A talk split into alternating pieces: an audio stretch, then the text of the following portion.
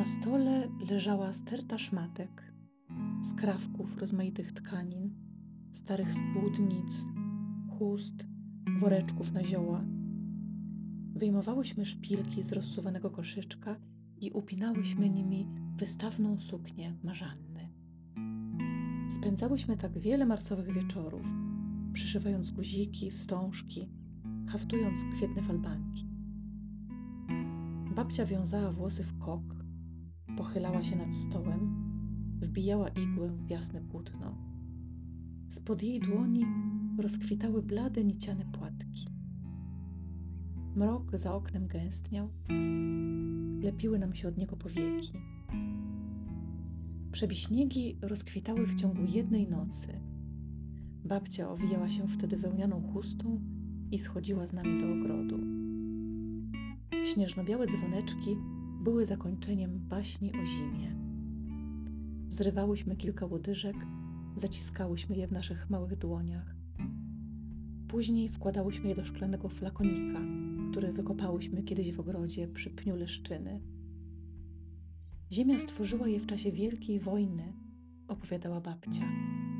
Mężczyźni walczyli wtedy na dalekich polach, a kobiety czekały na ich powrót w chatach pełnych mroku i niepokoju.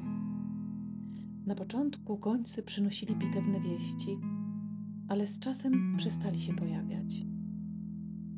Kobiety pisały długie listy, a później darły je na strzępy i pisały nowe.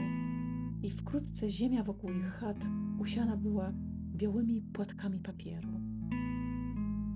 Nie umiała dłużej wchłaniać łez tęsknoty i uczyniła z nich soki, które zaczęły karmić podarte opowieści, aż przemieniły je w kwiaty. W gęstym smutku, w mroku samotności, przebiśniki wyglądały jak zmatowiałe gwiazdy. Wkrótce z dalekich stron zaczęli powracać mężczyźni. Szli pośród białych płatków, jak po królewskich kobiercach. Od tamtej pory przebiśniegi wydostają się spod zmarzniętej ziemi, mówiła babcia, żeby przypomnieć nam o wiośnie, która rodzi się pod lodem, o szczęściu, które ma korzenie w pustce, o bladej kruchości cierpienia.